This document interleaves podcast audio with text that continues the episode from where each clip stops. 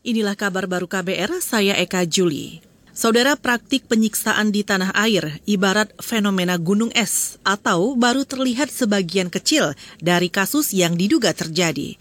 Hal ini disampaikan Wakil Ketua Lembaga Perlindungan Saksi dan Korban atau LPSK, Maneger Nasution dalam keterangan tertulisnya di Jakarta hari ini.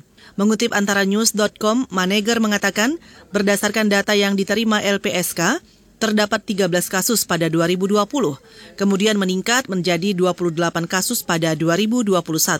Sementara pada periode Januari hingga Mei tahun ini, ada 13 laporan yang masuk ke LPSK. Meski begitu, Maneger yakin data tersebut belum tentu menggambarkan kejadian yang sesungguhnya. Kita ke soal minyak goreng. Harga minyak goreng curah di sejumlah provinsi masih bervariasi, semisal di Provinsi Kalimantan Barat. Di sana, harga minyak goreng curah mencapai Rp14.650 per kilogram. Sedangkan di Provinsi Maluku Utara dihargai hampir Rp26.000 per kilogram. Harga tersebut yang terpantau di Pusat Informasi Harga Pangan Strategis Nasional per 24 Juni 2022. Sejak akhir tahun lalu, harga minyak goreng masih belum stabil, meski berbagai upaya dilakukan pemerintah.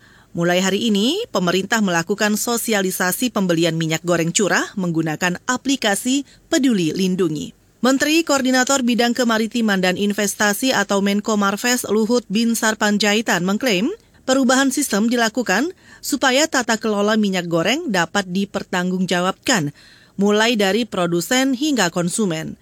Konsumen bisa membeli curah maksimal 10 kg per hari dengan harga Rp14.000 per liter atau Rp15.500 per kilogram.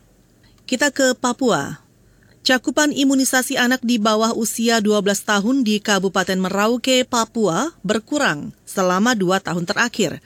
Salah satu faktornya adalah pandemi corona. Kepala Dinas Kesehatan Kabupaten Merauke, Papua, Neville Muskita mengatakan, cakupan imunisasi di sana berkurang hingga 20 persen sejak 2020 hingga kini.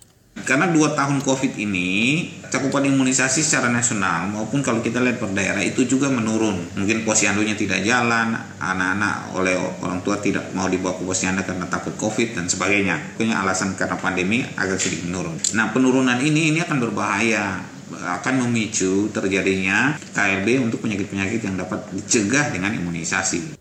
Itu tadi Kepala Dinas Kesehatan Kabupaten Merauke, Papua, Neville Muskita.